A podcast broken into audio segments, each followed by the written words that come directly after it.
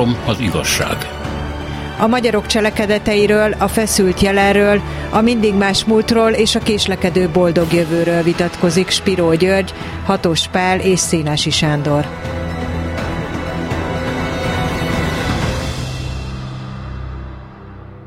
Üdvözlet az uraknak, Kéri László igazoltan távol van, unokázik, és Hatospál történész tette meg nekünk azt a szívességet, hogy csatlakozik hozzánk, ami hát abból a szempontból is nagyon szerencsés, mert ha jól tudom, akkor most készít elő egy művet a hideg polgárháborúról, ami éppen Magyarországot, de hát nem csak Magyarországot, hanem a világon nagyon sok országot sújt már, mint a szakadottság, a gyűlölködés, a különféle buborékok, világok egymással való párbeszéd képtelenség, és hát minden, ami ebből jön, a megbélyegzések itt is, ott is. Eh, úgyhogy a hideg polgárháborút választanánk a mai megbeszélésünk témájául, hogyha Gyuri is egyetért ezzel. Nagyon tetszik a téma. És hát... Köszönöm jó. szépen. Eh, amit én így gyorsan kiírtam magamnak, hogy miket mondanak, hát főleg persze politikusok erről. Azt mondja az egyik, hogy a hidegpolgárháború sok, polgárháború sokkal nagyobb kárt okoz az országnak, mint a korrupció.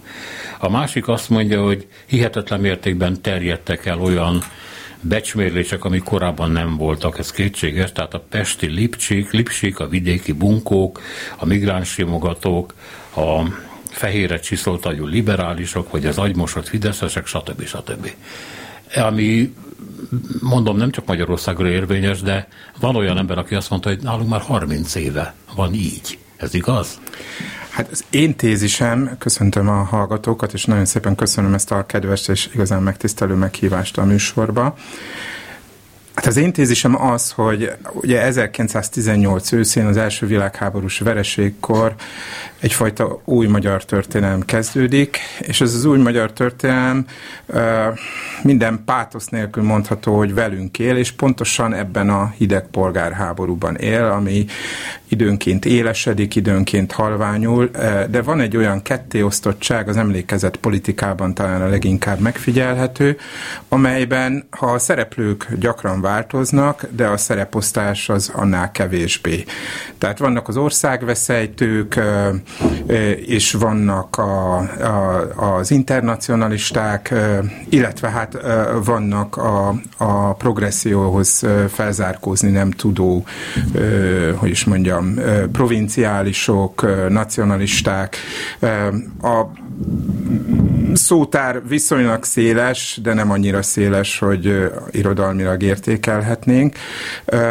És ez egy, ez egy mérges ellentét, amely, amelyben számomra az is egy fontos dolog, hogy az első világháború, és ez egyre inkább evidens ma a történelemben, nem ért véget a, a, a frontokon való fegyverek elhallgatásával, hanem folytatódott.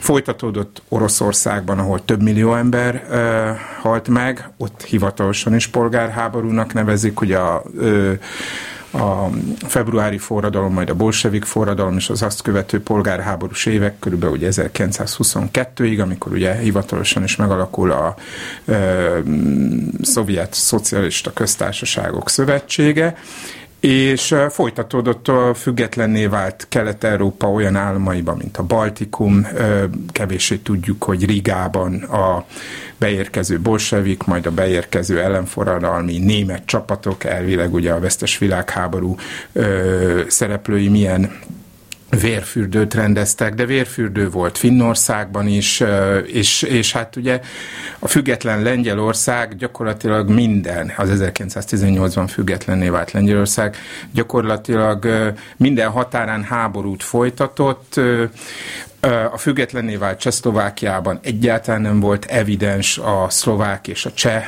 viszony, arról nem is beszélve, hogy, hogy, hogy, hogy, hogy Magyarországon, ami vesztes állam volt, elvileg lett volna egy nagy öröm. Az évszázados, négy évszázados álomnak a beteljesülése, a függetlenség, a szuverenitás visszanyerése, a Kossuth álma, a véget ér ugye ez a, ez a négy évszázados kedvetlen, időnként nagyon rossz házassága az ausztriai házzal, a Habsburgokkal, és ehhez képest mit látunk?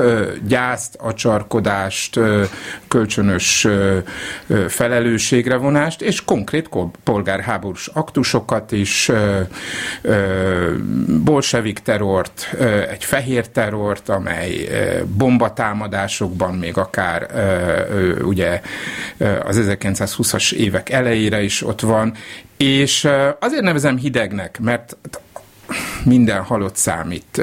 De mondjuk a finn polgárbár 36 ezer halálos áldozatához képest az itteni mondjuk úgy 5000 halálos áldozat nem olyan sok, de a háborúnak sok-sok, a belső háborúnak sok-sok mérges fontja van, sok-sok mérgező fontja van, és az én tézisem ez, hogy ez a hidegháború legalább annyira eredményezte azt a csonka Magyarországot, a megcsonkított társadalmat, mint a trianoni béke nyomán felkapott, területileg megcsonkított Magyarország. Szóval vannak szavak, amik amikkel leírjuk egyik vagy másik oldalt. Ön is mondta, hogy a, mondjuk a progresszívek vagy a konzervatívok, de ezek nem biztos, hogy mindenki számára jelentenek valamit, és mintha elbújna mögöttük a lényeg, hogy tulajdonképpen mi a megosztottság alapja? Milyen megosztottság ez? Miféle? Hát milyen a természete? Miért jött létre? Júri?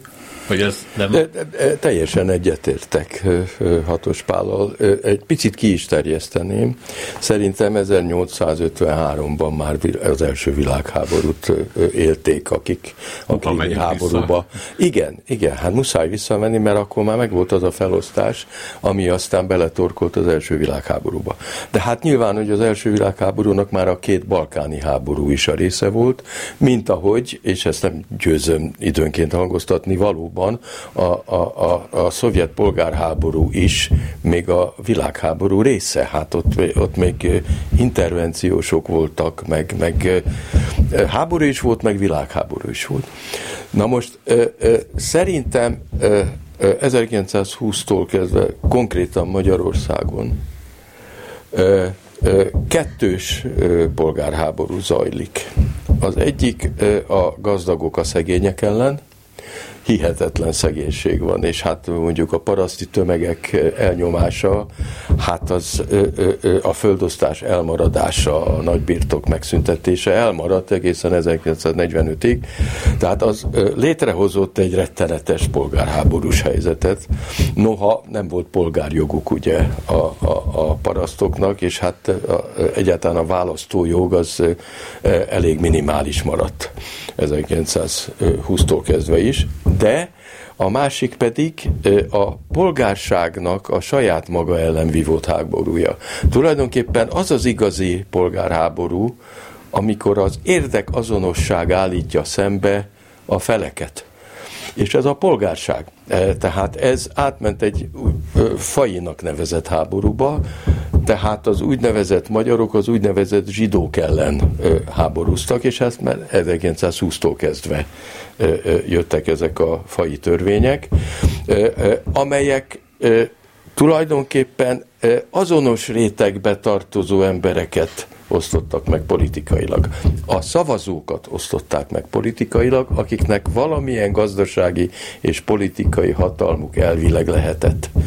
Na most ez a többi kelet-európai országban is így volt, ha már itt maradunk Kelet-Európában, azzal a különbsége, hogy valóban az számított, hogy Magyarország vesztesként került ki az első világháborúból, míg a többiek legalábbis azt hirdették, hogy győztesen kerültek ki.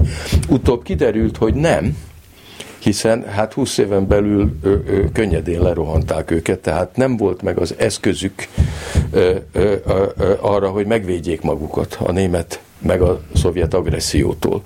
Ö, na most ö, a hideg polgárháborúnak, ugye például Lengyelországban azért olyan eredménye is voltak, hogy ottan vezető politikusokat gyilkolgattak meg.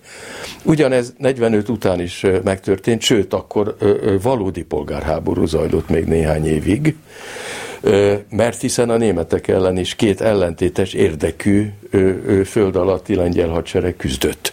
Tehát az aztán igazán polgárháborús jelenség, hogyha két ellenálló hadseregen van, és azok egymást is írtják. Ugyanez volt Jugoszláviában. Tehát egyfelől volt ugye a szerb királyi hadsereg, csetnikeknek nevezték őket, és közben meg volt a Tito-féle partizán sereg, amelyik a horvátokat is, meg a többieket is magába olvasztotta, miközben volt egy szatellit állam, ugye Ante Pavelic révén, amelyik ugyanolyan volt, mint nálunk a nyilasok. Tehát tulajdonképpen egész Kelet-Európában tartott a szabadság vagy az államiság elnyerése után egy ilyen rettenetes hát háborús feszültség, amelyiknek a megoldása politikailag kiderült nem volt lehetséges. Mi volt a tétje ennek, ennek a polgárháborúnak? Mert ugye minél élesebb egy ilyen összecsapás, minél nagyobb a gyűlölködés, annál inkább, hogy olyan dolgokról van szó, amik évekre vagy évtizedekre meghatározzak egy országnak a a minőségét, a fejlődését, az állagát. Mi vetődött itt föl? Miről folyt a vita, ha egyáltalán folyt vita, ha egyáltalán ez valamennyire egy ilyen tudatos, átgondolt szembeállás volt? Hát az én történelmi tapasztalatom szerint úgy érzem, hogy nagyon sok minden múlik a véletlenen az improvizáción, a cselekedeten, amelyek mögött természetesen állnak ilyen-olyan struktúrák, mentális struktúrák, hatalmi struktúrák, pénzügyi érdekek, egyebek, ez, ez, ez kétségtelen. Amit Spiro György mond, az abszolút helyén való. Itt gyakorlatilag egy európai polgárháború beszélhetünk, mondjuk a Balkán háborúk elindításától egészen 1945-ig, sőt azon túl mutatóan, hiszen partizán háborúk akár Ukrajnában, akár Lengyelországban bőven az 1950-es évek elejéig folytak és hát ugye kitelepítések bőven ugye folytak a 40-es évek második felében, ebben Magyarország is többszörösen érintett volt. De visszatérve arra, hogy mi történt az első világháború végén, itt van egy két egyetemes folyamat, legalábbis európai szinten egyetemes folyamat. Ez egyik az antiszemitizmusnak a többé-kevésbé elfogadott eszközé válása a politikai életben. Ne felejtsük el, hogy 1914 előtt, ha tökéletlenül is, de liberális Európáról kell beszélnünk. Még hogyha ezelől nagyon erős kivétel mondjuk Oroszország, Törökország is, de mondjuk Anatóliában, Kis-Ázsiában 1918-ban a lakosság fele nem muszlim volt, nem, nem iszlám volt, hanem különböző keresztény felekezetek része, virágzó zsidó közösségek Isztambultól egészen ugye a Fekete-tenger partján át bárhol. És 1920 után, sőt 1919 kora őszén Horti Miklós fővezéri rendeletének az egyik, hogy zsidókat nem szabad felvenni a nemzeti hadseregbe. Ettől függetlenül így úgy vannak zsidó származásúak ott, és később is, de ez egy, ez egy fővezéri rendelet volt, zsidók és munkások nem mehetnek. Ugye a a, az antiszemita törvénykezés nyitányát ugye a, a numerus clausus törvényben szoktuk ö, ö, meghatározni, de mondom, ilyen értelemben az új erős ember, akitől nem csak belül, hanem kívül is. Angol diplomaták, amerikai diplomaták várták Közép-Európa, Magyarország is így Közép-Európa stabilitását, joggal és sokkal, sőt bizonyos értelemben a várakozásaik be is igazolódtak. Ő ezzel az antiszemita politikával ö, lett sikeres. Ez az antiszemitizmus így vagy úgy, ö, kisebb vagy nagyobb mértékben birtokba kerítette a függetlenné vált ö, államokat is. Mondjuk ö, a Csehszlovákiában jóval kevésbé volt ö, ez ö, jelent, azért ne felejtsük el, hogy, ö, hogy a bevonuló cseh azért ö, pogrom közeli helyzeteket Hoztak létre, egy egy Wickham Steed, aki egy ugye angol újságíró volt, egy befolyásos patrónusa a szláv emancipációs törekvéseknek, az monarchia, az osztrák-magyar monarchia elnyomó szer, nemzetei között a németet, a magyart és a zsidót sorolta föl. Tehát, hogy az antiszemita politika, ha többé-kevésbé van, ahol abszolút ugye legislatív, tehát törvénykezési módon, mint Magyarországon, mégiscsak furcsa ezt kimondani, polgárjogot nyert. A másik, ami, ami, amire szintén uh, szívemnek nagyon kedvesen uh, és fontos módon utalt Spiro György, ez a, ez a parasság belépése a politikába, illetve ennek az egész uh, uh, mozgalomnak, ennek a paraszti demokratikus perspektívának az uh, abortálása. Tehát Bulgáriától Lengyelországig, Ausztriától Magyarországig, Romániáig uh, földreform zajlik, uh, nyilvánvaló, hogy az utódállamokban kicsi könnyebb könnyebb ezt megcsinálni, hiszen a földesurak döntő többsége magyar, tehát, vagy, vagy jelentős része magyar, tehát mondjuk egy erdélyi földreformot nemzetiségi alapon is lehet indokolni. Magyarországon is, ez ugye a Károlyi forradalomtól, az őszi rózsás forradalomtól kezdve az egyik legfontosabb nemzeti állami kérdés, és amely, amely nem sikerül amely nem sikerül. Továbbra is Magyarország is agrárország, kétharmad része a lakosságnak őstermelésből él, paraszti tevékenységet folytat, és, és van egy vélemények nagy koalíciója, ami ezt a, par, ami ezt a parasságot lenézi, amely, ezt, amely ezzel nem tud mit kezdeni, és, és valóban szintén ezt tudom mondani, hogy 1945-ig hiába volt egy korlátozott földreform, ami a mezőgazdasági cselédségnek egy jelentős részének egyfajta házhelyi területet biztosított, ez, ez nem hogy tüske a köröm alatt, ez egy égető, toxikus problémája volt a, a magyar társadalomnak.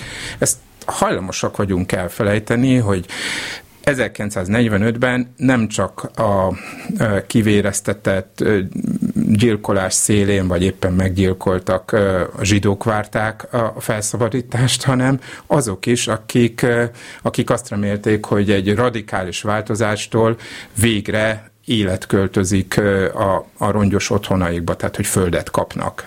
És hát ugye akár milyen erőszakos módon, ugye a Nagy Imre név, nevével fémjelzett agrárreform millióknak adott új életet, és sokan ezt a mai történészek közül a földreform követelését akár 18-ban, 19-ben, 20-ban, 45-ben bizonyos értelemben gazdasági racionalitás szempontjából bírálják el, a nagybirtok sokkal hatékonyabb, a nagybirtok élelmiszert termel, én nem tudom ennek a morális vetületét sem száműzni ebből a történetből.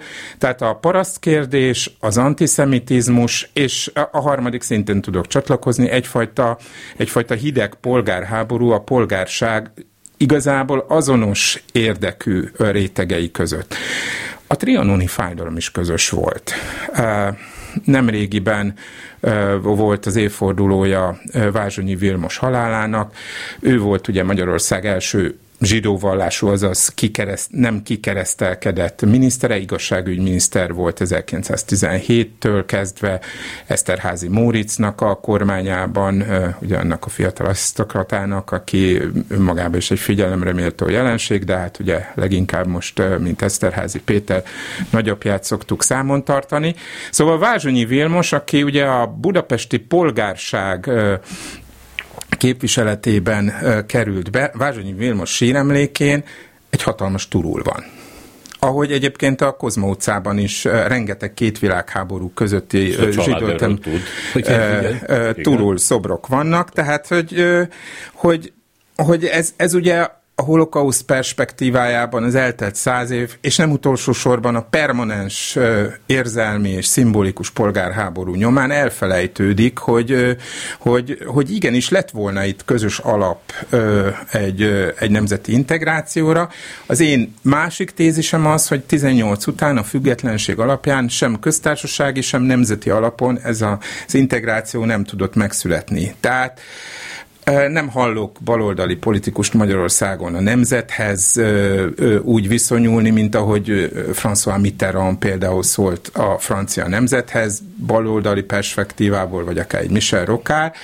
Ez számunkra itt Kelet-Európában sokkal kevésbé, vagy Közép-Európában sokkal kevésbé adatott meg, de minden esetre én ebből azt vonom le, hogy a Csonka Magyarország nem csak az elszakított területek, nem csak az elszakított területeken élő magyarság, vagy éppen az elszakított területeken élő magyar zsidóság egy jó jelentős része, amely, amelyet ilyen-olyan eszközökkel arra próbáltak rávenni, hogy határozza maga, magát akár nemzetiségként, zsidó nemzetiségként, mert hogy akkor jobb lesz. Tehát, hogy itt identitás, lojalitásbeli problémák voltak, és azt se felejtsük el, hogy a trianoni emlékezet egyfajta megmérgeződésének nyilvánvaló, hogy az is oka, hogy amikor bevonultak 38 1940-ben a bécsi döntések nyomán a magyar csapatok a visszatért területekre, akkor vitték magukkal a zsidó törvényeket, akár olyan városokban, ahol a magyar nyelvű lakosság döntő része a zsidó törvények hatája alá esett, és 44-ben ezeket aztán a magyar hatóságok aktív segítségével el is vitték a megsemmisítő táborokba. Tehát, hogy egy, egy igazán szomorú történet kezdődik itt 18-ban, amely, amely, amelynek szerintem örökösei vagyunk továbbra is.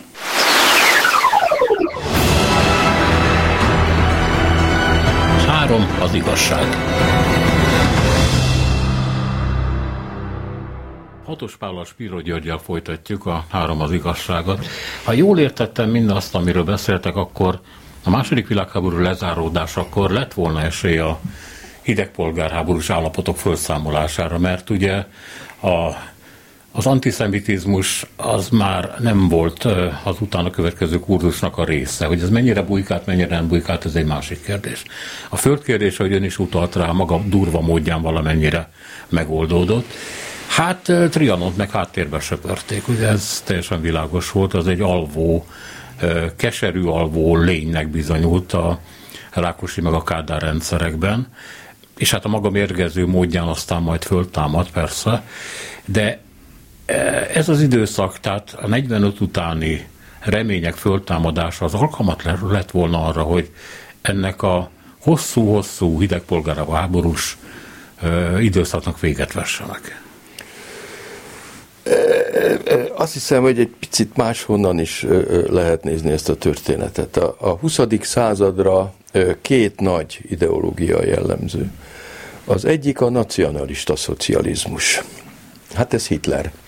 A másik pedig az internacionalista szocializmus. Hát ez Lenin, Stalin, meg a többiek. Na most e, e, ez a két e, szocializmus mind a kettő tartalmaz szocialisztikus célokat. Tehát azt nem lehet állítani, hogy hazugság lenne a névadás, vagy a névválasztás.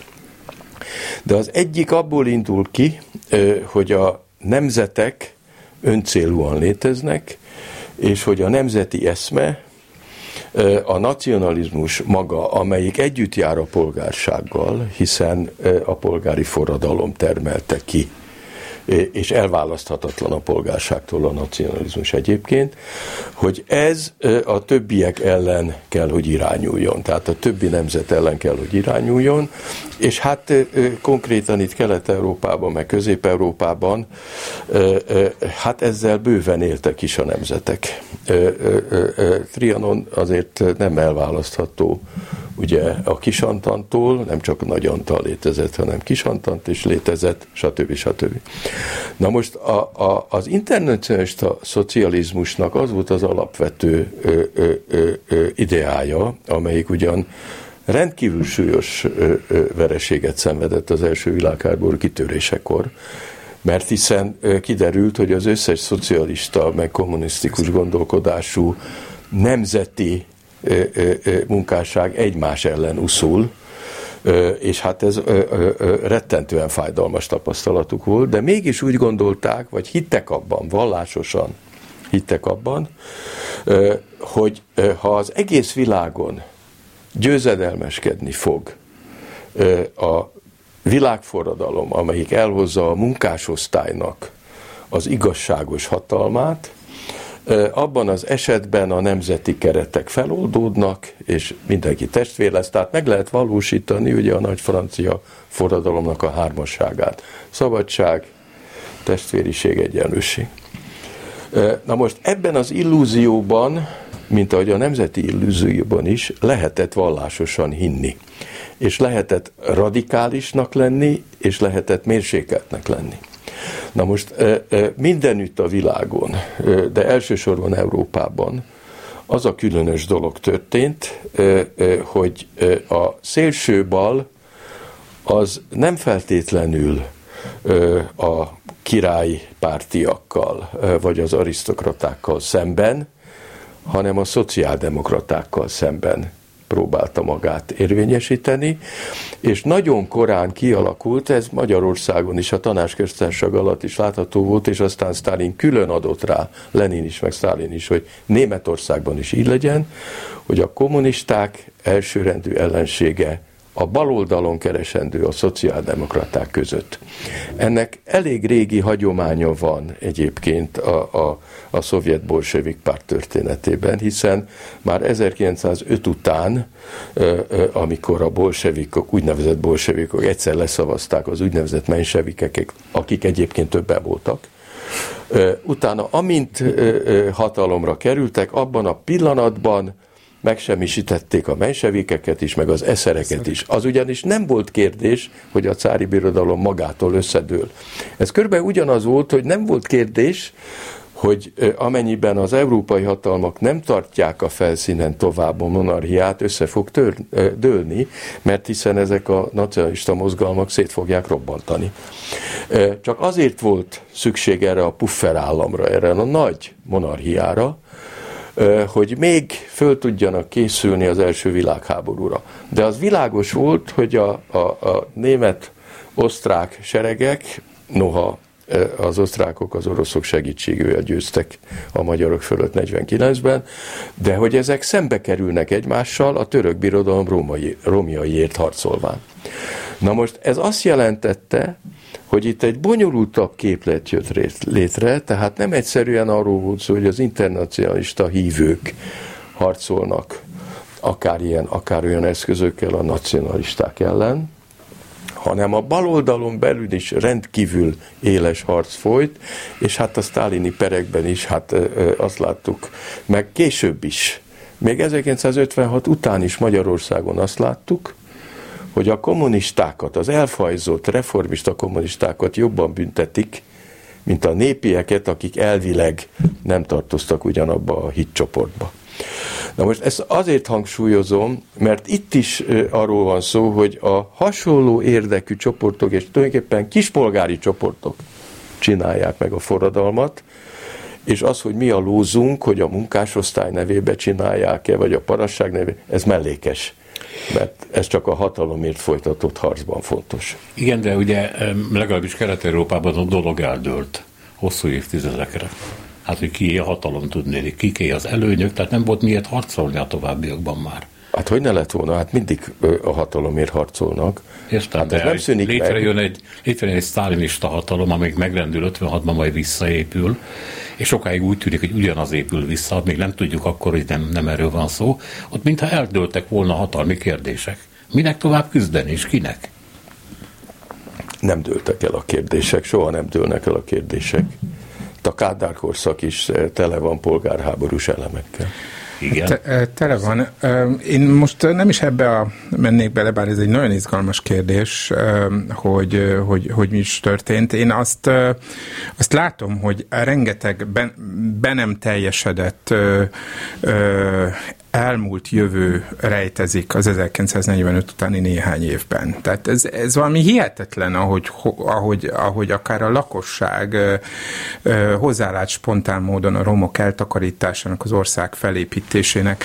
És ugye a nagy történelem, a stalinizáció, Rákosi eljövetele, az egypártrendszer, ez eltakarja azt, hogy, hogy egy ilyen borzalmas helyzet után, amelyben ott van ugye a polgárháború. Hát ha megnézzük az első világháborúban, háborúban 660 ezer honvéd halt meg, természetesen ez össze, uh, össz, az akkori történelmi Magyarországra vonatkozik, Jóval kevesebb a honvéd veszteség, bár iszonyatos százezes mértékű a második világháborúban, de hát a második világháborús magyar emberveszteség döntő többsége az, hogy magyar állampolgárokat a magyar állam tevékeny köz, közreműködésével így vagy úgy megölnek. Tehát, hogy itt, itt és, és ebből van egyfajta nagyon erőszakos megszabadulás, borzalmas ugye dúlással, erőszaktevéssel, több százezeres nemi erőszakkal a megszálló szovjet csapatok részéről, de mégis 45 után hát nem csak a szellemi életben, hanem a gazdasági életben is, a kis vállalkozások tekintetében is van egy-két év, hiszen ezek az emberek, akik élni akarnak, nem tudják azt, hogy, hogy mi vár rá. És ugye ez a történésznek, vagy az utókornak ez a, ez a meg nem érdemelt bölcsessége, hogy ő már látja, hogy mi történt. Tehát ebből, ebből a perspektívából látjuk. A, majd ha lesz még emberiség mondjuk száz év múlva, azt is látni fogja, hogy hogy kellett volna mondjuk ebben a helyzetben, amiben most ugye egy, ismét egy európai háborús helyzet van, mindenkinek cselekednie. A szociális mozgalom, vagy amit a szocializmusról mondott Spiro György, szerintem ez egy, az egy nagyon megfontolandó dolog. Tehát a szocializmus az egy vezető gondolata az egész 20. századnak, és, egy, és, és szinte nincs olyan politikai mozgalom, amely így vagy úgy ne integrálná a gondolatába. Tehát pont, pont az van, hogy, hogy, hogy, hogy a 19. század nagy eszméje, a nemzeti eszmével ölelkező liberalizmus, szabadelvűség az, az hiteltelenné válik, és helyette jönnek a, a, a lugerek, jönnek, a, jönnek azok, akik ugye egyfajta szocializmust hirdetnek. Jönnek, és ugye például olyan régi intézmények is, mint a katolikus egyház is alkalmazkodik hozzá. Van egy nagyon érdekes gondolata Konfeld Mórisnak, aki ugye emlékezetesen 1919 után a katolikus vallásra tér át, és, és eléggé el is gondolkozik azon, és hogy, hogy a keresztény antiszemitizmus hogy erősödhetett föl úgy, ö, ugye a 30-as évekre, azt mondja, hogy, hogy a, a szocializmus gondolatának a radikalitása, ez a radikális változás, hogy itt és most és azonnal történjen meg, és a felelősöket vélelmezett felelősöket, bűnbakokat azonnal végezzük ki, tegyük lehetetlenni, vagyonukat így vagy úgy osszuk újra azok között, akik ugye megérdemlik, és ez lehet a kispolgárság, vagy éppen lehet ugye a munkásság is, tehát hogy az, hogy, hogy a 39-es választási eredmények Újpesten hogy alakultak, az azért eléggé beszédes, de hogy, hogy eléggé hát, zöld lett Újpest. Igen, Szállasira nagyon sok ö, ö, ö, munkás szavazott, tehát, hogy visszatérve erre, hogy, hogy, hogy, hogy nem lehetett. És a, a nyugat-európai, hogy is mondjam, szerencse 45 után az, hogy a keresztény szocialista gondolat egy keresztény demokrata mezben ha nem is teljesen szíves, de mégiscsak egy korrekt együttműködést tudott kötni a szocialista gondolattal, amely ezt a radikális, vagy ö, számomra is ö, teljesen vállalható vallásos, ö, üdvtörténeti ö, célról, hogy ugye az egyenlőséget itt és most megvalósítsa, ö, lemondott. Ugye ez a Bad Godesbergi ö, program meg egyebek, és, és ez 30-40, mondjuk így a 90-es évek közepéig, 2000-es évek évekig működött. Na most Magyarországon ez nem működhetett. Magyarországon nem működhetett, és szerintem tényleg, tehát, a, tehát hogy ha van elátkozottabb embere a, a magyar baloldalnak, vagy egyáltalán a magyar politikai életnek, hát ott kell keresni Garami Ernőnél. Tehát, hogy, hogy vagy akár hát számomra sokkal kevésbé, vagy sokkal inkább ambivalens a Kunfi Zsigmond, de, de Garami Ernőnek nincs jó sajtója. Hát egy jobboldali konzervatív történetírás mit kezdjen Garami Ernővel, aki ugye a Magyarországi Szociáldemokrata Pártnak a vezetője, a Népszava a szerkesztője, politikus, nem a miénk, de hát mit kezdett vele a baloldal? Elfelejtette, langyosnak minősítette, pedig ha születtek róla életrajzok, de nem jött, nem, nem kerül bele abba az emlékezetbe, amibe belekerülhetne. Tehát, hogy ahogy ő 19 őszén politizál, ahogy emigrációba vonul, ahogy visszajön, ahogy egyébként bátran ugye a 30-31 táján, és nem, nem hallgatnak rá az elvtársai. Tehát itt, itt van egy nagy megtöretése a, a szociáldemokrata mozgalomnak, és 45 után erről szintén érdemes történészek ö, ö, írtak ö, nagyon fontos tanulmányokat, Standejszkijéváék, mások, ö, hogy, hogy, hogy nem nem engedik, hogy a szociáldemokratákat, hiszen ők az elsődleges ellenség, és mondjuk Erdei Ferenc is azt mondja, hogy hát Rákosinak mondjuk Szabó Dezső tanítványait ajánlja, hogy szövetségesül, és, és, és, és nem másokat, és egyébként például nem a kereszténydemokrata Szegfű Gyulát, akivel egyébként Révai kiegyezik, az egy nagyon érdekes, tragikus jellemtörténetként is. Visszatérve azt, hogy nekünk itt Bécstől keletre ez nem adatott meg, és ennek szerintem a gyökerei szintén visszanyúlnak az első világháború előtti időkre arra, hogy Magyarországon nem volt ö, általános választójog, csak 1920 után, azon az 1920-as választásokon, amikor végre érvényesült volna, a terror miatt ugye a, a, a jó rész Budapesten koncentrált munkásság, szociáldemokrata párt nem vett részt, de a csonka történelem, a hidegpolgárháború azt is eredményezte, hogy hiába mutatta ki ez az 1920-as januári nemzetgyűlési választás például ugye a paraszti demokrácia egyik útját, hiába lett a kisgazda párt, vagy a különböző kisgazda pártok, hiába lettek többségben, két-három év alatt legyűrték, ledarálták őket, ahogy az okos politikus Betlen István azt is felismerte, hogy nem megsemmisíteni kell a szociáldemokratákat, hanem, hanem kezes bárányokká kell tenni. Budapest Budapesten ugye hagyta őket működni, meg a nagyobb ipari városokban, ahol ugye titkos szavazást, de vidéken ugye nyíltan szavaz, aki magyar, hiszen a magyar nyílt jellemmel ez függ össze. Éppen ezért nem tudjuk azt, hogy például a horti korszak támogatottsága igazából milyen is volt, hiszen azt látjuk, hogy, hogy az egységes kormánypárt a nem nyílt szavazású körzetekben nem szerepelt fényesen, és amikor 39-ben szintén kinyílnak a gátak, akkor meg már szintén nem a kormánypárt, hanem, hanem a nyílas mozgalom hozza azt, és radikalizálja egyébként egy, egy, egy szélső jobboldali, még szélső jobboldali irányba magát a kormánypolitikát is. A Rákosi korszakban, mint a kicsit befogyott volna a történelem, de Gyuri, te azt mondtad, hogy ez egy félreértés azt hinni, hogy a Kádár korszakban nem folytak nagyon kemény csoportküzdelmek, tehát hogy ott valamiképpen kiléptünk volna a korábbi megosztottságokból, de hogy kell ezt érteni? Igen, hát mondjuk a megtorlás az eltartott olyan körülbelül hát 6-7 évet, 62-63-ig, és utána azért a nemzetközi viszonyok okozták, és Khrushchevnak a páratlan és megalapozatlan optimizmusa okozta, hogy egy kicsikét lehetett nyitni, és egy kicsikét lehetett enyhíteni. Hát azon a mégiscsak rákosista szorításon, amiben az ország benne volt, és aztán 68 Csehszlovákiába való begyaloglás a térségben ennek véget vetett, tehát akkor attól kezdve nem beszélhetünk semmiképpen sem ideológiai meggyőző képességről, mert abban a pillanatban ezt elvesztették. Amint valaki a testvér országokba katonailag kénytelen beavatkozni, akkor annak a dolognak vége van. És hát előbb-utóbb vége is lett. De én egy picit visszamennék egészen odáig, hogy tulajdonképpen a két radikális szélsőség ígérvényei milyenek voltak. Mármint a nemzeti szocialisták. Így van, a nemzeti szocialisták és az internacionalista szocialisták ígérvényei. Na most a, az internacionalisták azt ígérték, hogy minden hatalom a dolgozó népé.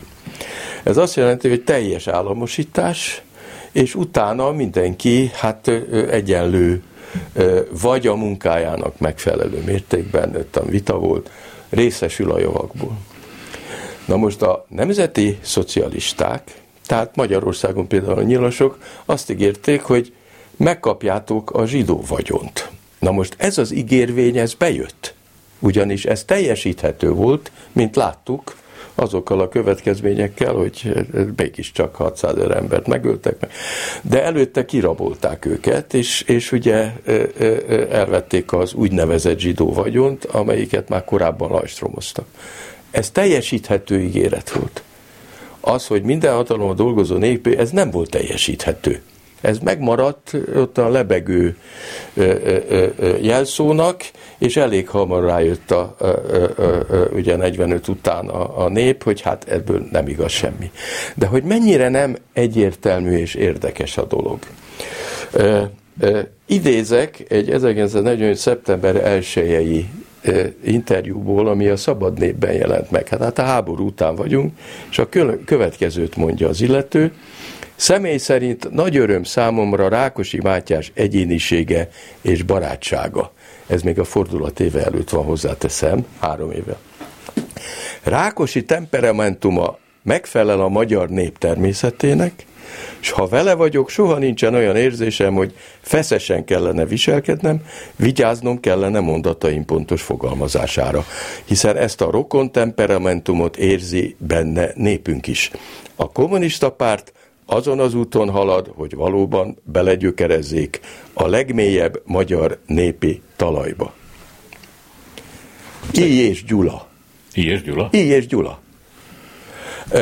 Mostanában jutott eszembe, hogy én is idéztem belőle, mert Beke Albert, aki hát nem vádolható nagyon baloldalisággal, mostanában Kodályt, és meg a többieket, akik aláírták 57-ben ugye az ENSZ közgyűlés magyar napirendje ellen a felhívást, hogy ők mind árulók voltak, és ebben van is valami.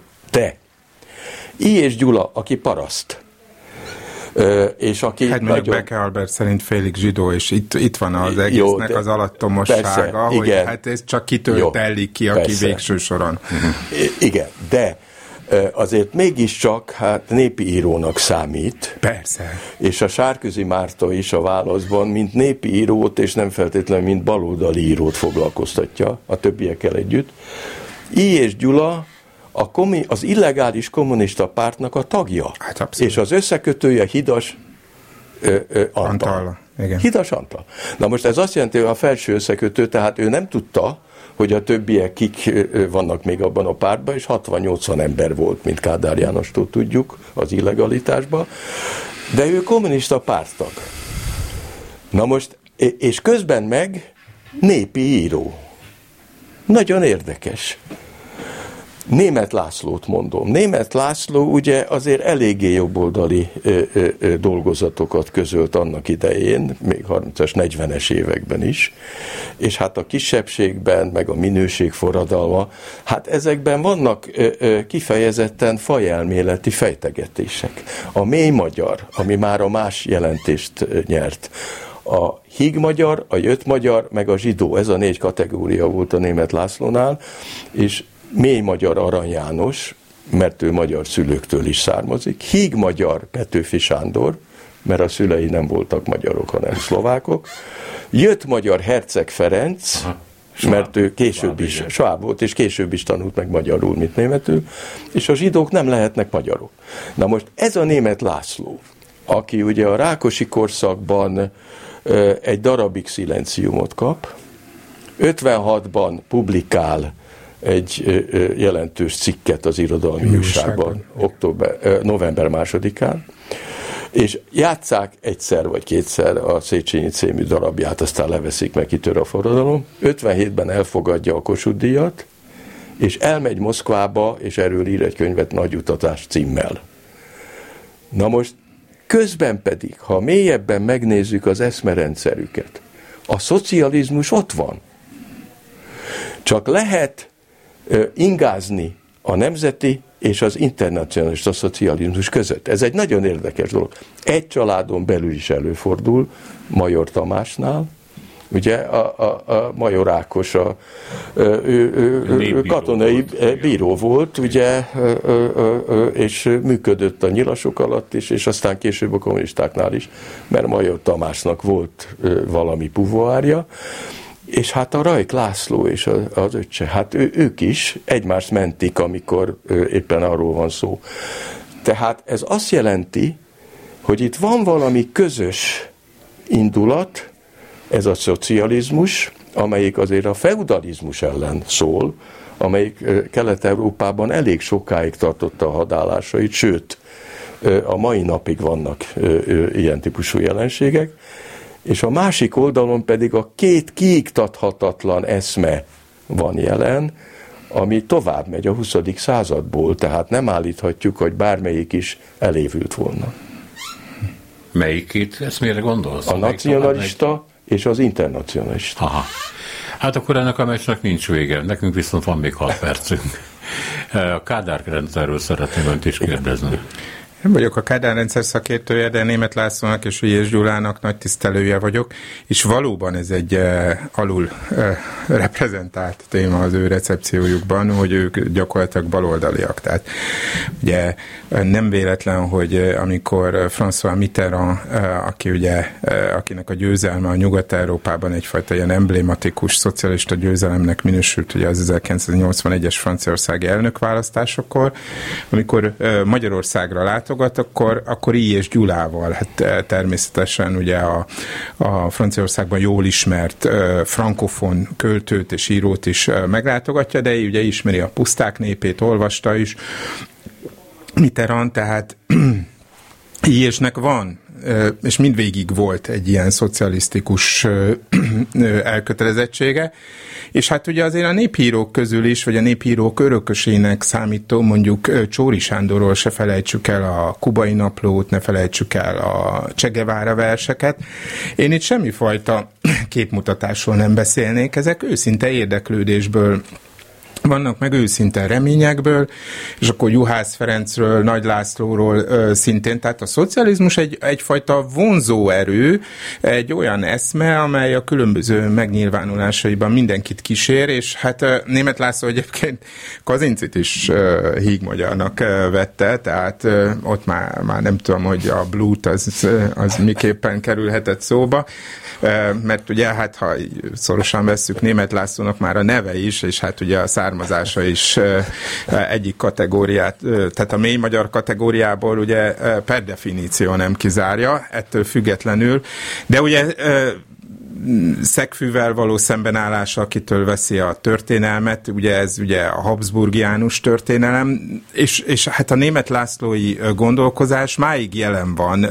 Tegyük hozzá, hogy hát egy olyan elképesztő olvasottság és, és intellektuális kíváncsiság kíséretében, amelyben ugye a, a, a nagy elfogultságok, előítéletek, indulatok, ha nem is lehet fölmenteni, de mégiscsak ugye csodálkozik az ember. Én azért gondolom, hogy az irodalomnak ilyen igazából ilyen szempontból morális aspektusa az, is mondjam, más, máshogy alakul, de tény és való, és ilyen szempontból akár az íjésnek, Kodálynak a felhozatala, a, vagy behozatala ide a beszélgetésbe is egy érdekes téma, hogy hogy ezek az emberek mára már elképzelhetetlen morális tekintéllyel bírtak. Az ő aláírásuk, az ő kitüntetésük, e, egyebek, e, azok, e, illetve ezeknek az elfogadása, és hát 57-ben tegyük hozzá Szabó Lőrincet is, aki Kossuth díjat kap.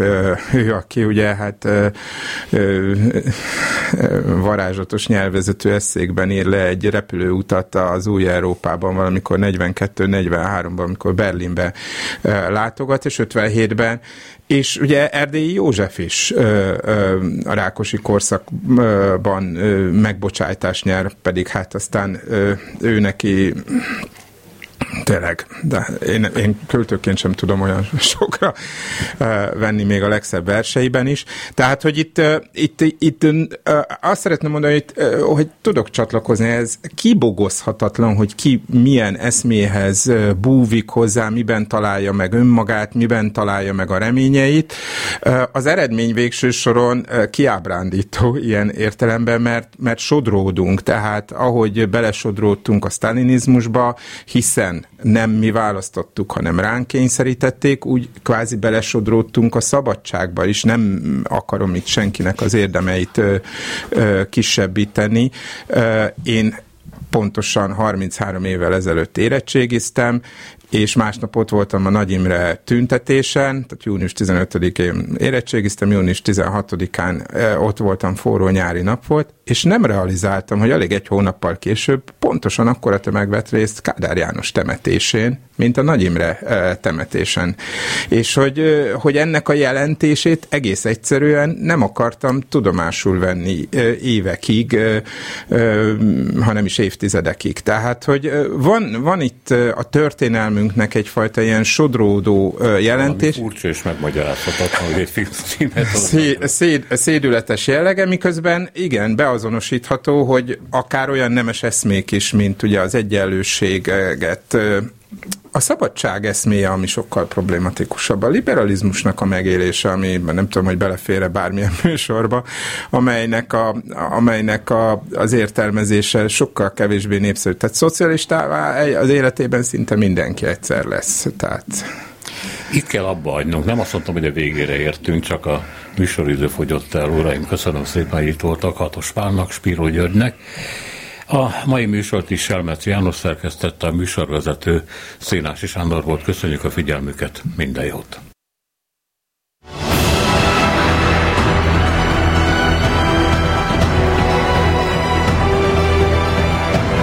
Három az igazság. Szénási Sándor műsorát hallották.